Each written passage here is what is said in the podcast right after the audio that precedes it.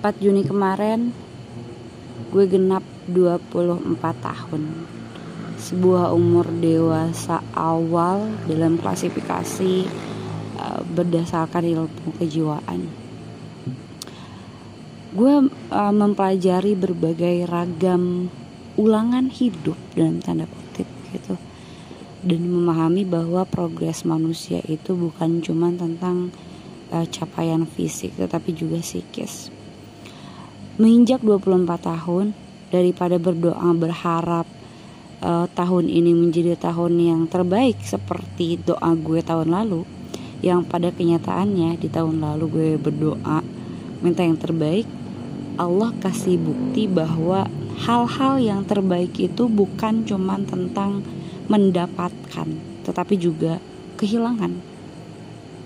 Terkadang kan gitu ya kita berdoa supaya disabarkan, minta kesabaran.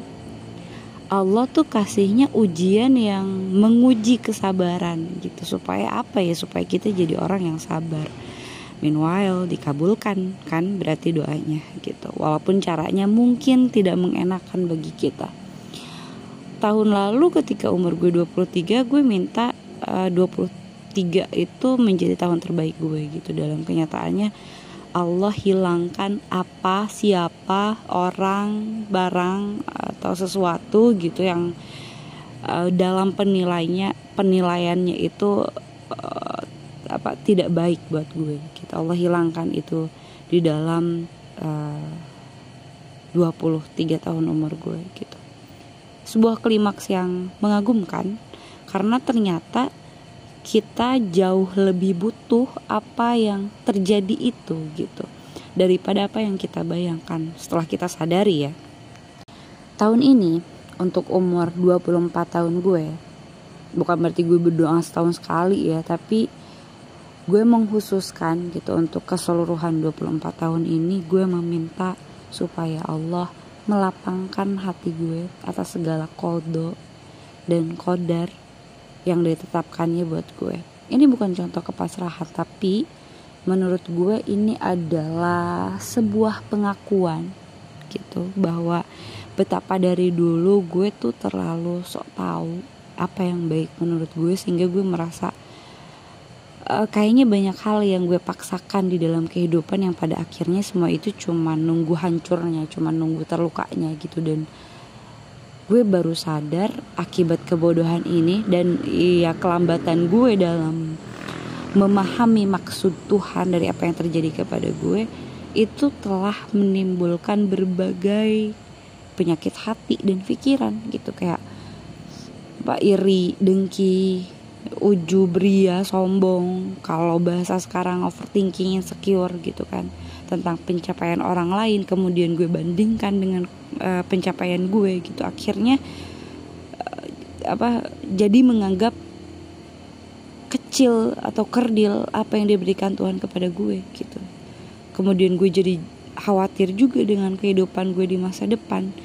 Akhirnya gue jadi nggak fokus sama masa kini flexing show up ingin terlihat hebat dengan sikap kompetitif yang tidak sehat. Padahal itu datang dari rasa insecure gue gitu kan. Gue bahkan berpikir nggak baik terhadap orang lain. Sebuah komplikasi pribadi yang menurut gue ini buruk banget gitu.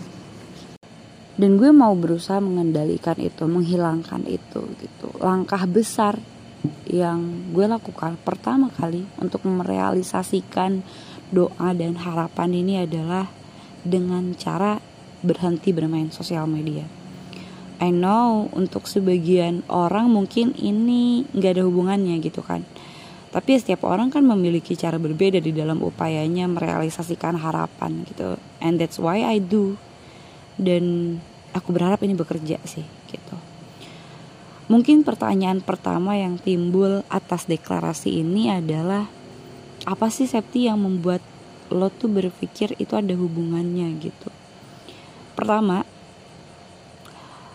uh, gue pengen mempunyai gambaran yang jelas tentang diri gue. Ini misi pertama gue ya di 24 tahun ini. Karena selama ini gue tuh punya kecenderungan untuk mempresentasikan gitu dalam tanda kutip diri gue di sosial media dengan berbagai bentuk kayak bikin quotes di status, upload foto yang bagus, yang selaras, yang estetik.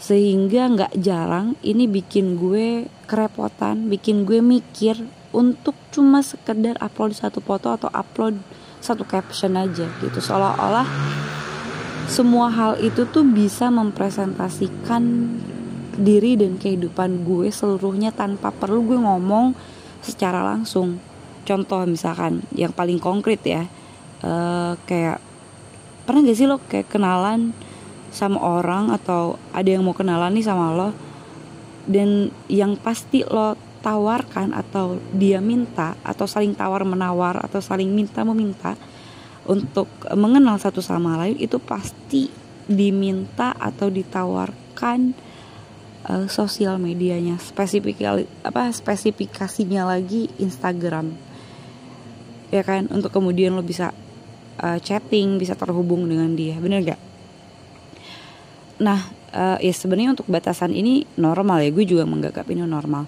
Cuman gue tuh punya kecenderungan menilai orang dari sosial media gitu. Kalau dia alay misalkan dia apa jamet misalkan uh, di kepala gue akhirnya apa punya penilaian yang gimana gitu jadinya padahal kan itu cuma bagian kecil dari kehidupannya. Berapa persen sih sosial media itu dibandingkan dengan kompleksitas kehidupan kita ya kan? Nggak ada satu persennya mungkin apa satu persen aja terlalu gede. Tapi karena di kepala gue media sosial itu penting dan gue bahkan sampai effort gitu untuk sekedar bikin story atau ngepost jadinya gue pikir orang lain juga melakukan atau berpikir yang sama kayak gue gitu itu kenapa gue ngerasa kayak postingan gue tuh harus selalu bagus harus nunjukin setiap kelebihan gue. Supaya orang lain yang ngelihat itu sehingga uh, bila didapati misalkan ada orang yang postingannya asal-asalan atau dalam pandangan gue nggak bagus gitu gue tuh secara sepihak mengartikan pribadinya juga gitu si orang itu si pemilik media sosial yang kurang bagus itu menurut kepala gue itu tuh ya kurang lebih sama kayak postingannya. Dan aku pikir ini pemikiran yang bahaya untuk diri gue ataupun untuk orang lain gitu tentang sosial media. Gitu. Yang sebenarnya gue tuh tahu ya bahwa sosial media itu tidak bisa menggambarkan orang secara keseluruhan tapi otak gue mungkin udah terlalu adiksi atau terlalu terkontaminasi dengan gaya sosial media yang harus bagus gue jadi berpikir seperti itu gitu. Padahal gue tuh punya temen ya beberapa temen gue yang di sosial medianya dia tuh kayak biasa aja gitu. Padahal aslinya mereka tuh orang-orang keren orang-orang hebat yang pada kehidupan nyatanya tuh mereka bener-bener punya manfaat punya gerak langkah aktivis yang begitu besar gitu gue bisa kasih contoh misalkan gue punya teman namanya uh, Fahmi. Eh, ini ini ini beneran ya gitu. Uh, satu angkatan waktu di pondok sama gue dan alhamdulillah gue masih bisa jaga silaturahmi sama kiai satu ini. Dia punya pandangan yang islami tetapi juga apa ya kalau gue boleh mengistilahkan ya dia itu kaum progresif cabang konservatif. Ya gue ngambil istilah NU cabang Muhammadiyahnya almarhum Buya Syafi'i Ma'arif ya. Ya dalam kalau dalam kalimat ini ya progresif konservatif gitu. Kenapa gue mengistilahkan dia uh, teman gue yang satu ini sebagai uh, kaum progresif cabang konservatif? Itu karena uh, dia tuh kalau lagi diskusi ya beliau itu tuh suka memberi pandangan yang sebenarnya. Nilai-nilai ini tuh udah ada udah sering uh, didengar gitu di kalangan santri atau zaman-zaman gue mondok. Uh, tapi dia menyampaikannya dengan pandangan atau cara atau metode atau analogi yang progresif gitu. Jadi nilai yang ingin disampaikan itu sama. Tapi caranya itu inovatif banget gitu dan itulah dia seorang penghafal Al-Quran uh, mungkin hafalannya terus solih mempunyai prestasi yang gemilang dicintai oleh guru-guru dan teman-teman gitu cerdas. Uh, dia juga kalangan akademisi. Tapi kalau lo lihat media sosialnya ya dia tuh nggak seperti yang gue sebutkan tadi gitu nggak kayak orang yang punya segudang prestasi gitu. Biasa aja bahkan media sosialnya aja kayak nggak pernah dipakai. Foto wa nya ya selalu tahu. Foto wa itu logo wa sendiri gitu kayak ya nggak jelas banget lah gitu. Padahal dia orang yang paling berprogres kali di uh, angkatan gue tapi ya dia biasa aja gitu.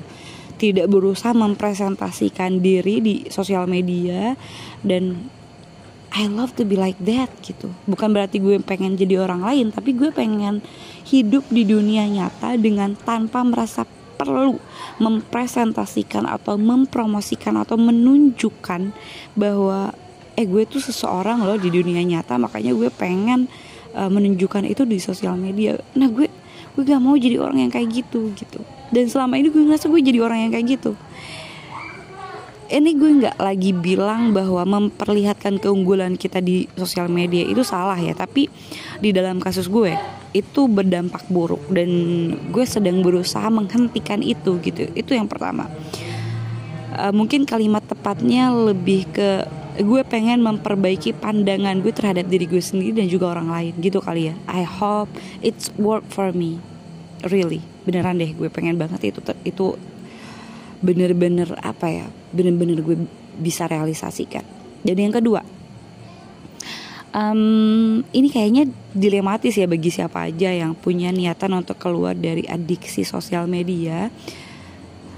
Karena gue juga ngerasakan karena gue juga merasakan hal itu pada awalnya yaitu takut FOMO atau ketinggalan informasi. Takut ter, takut tidak relevan takut tidak apa ya nyambung takut bla bla bla bla bla bla gitu kan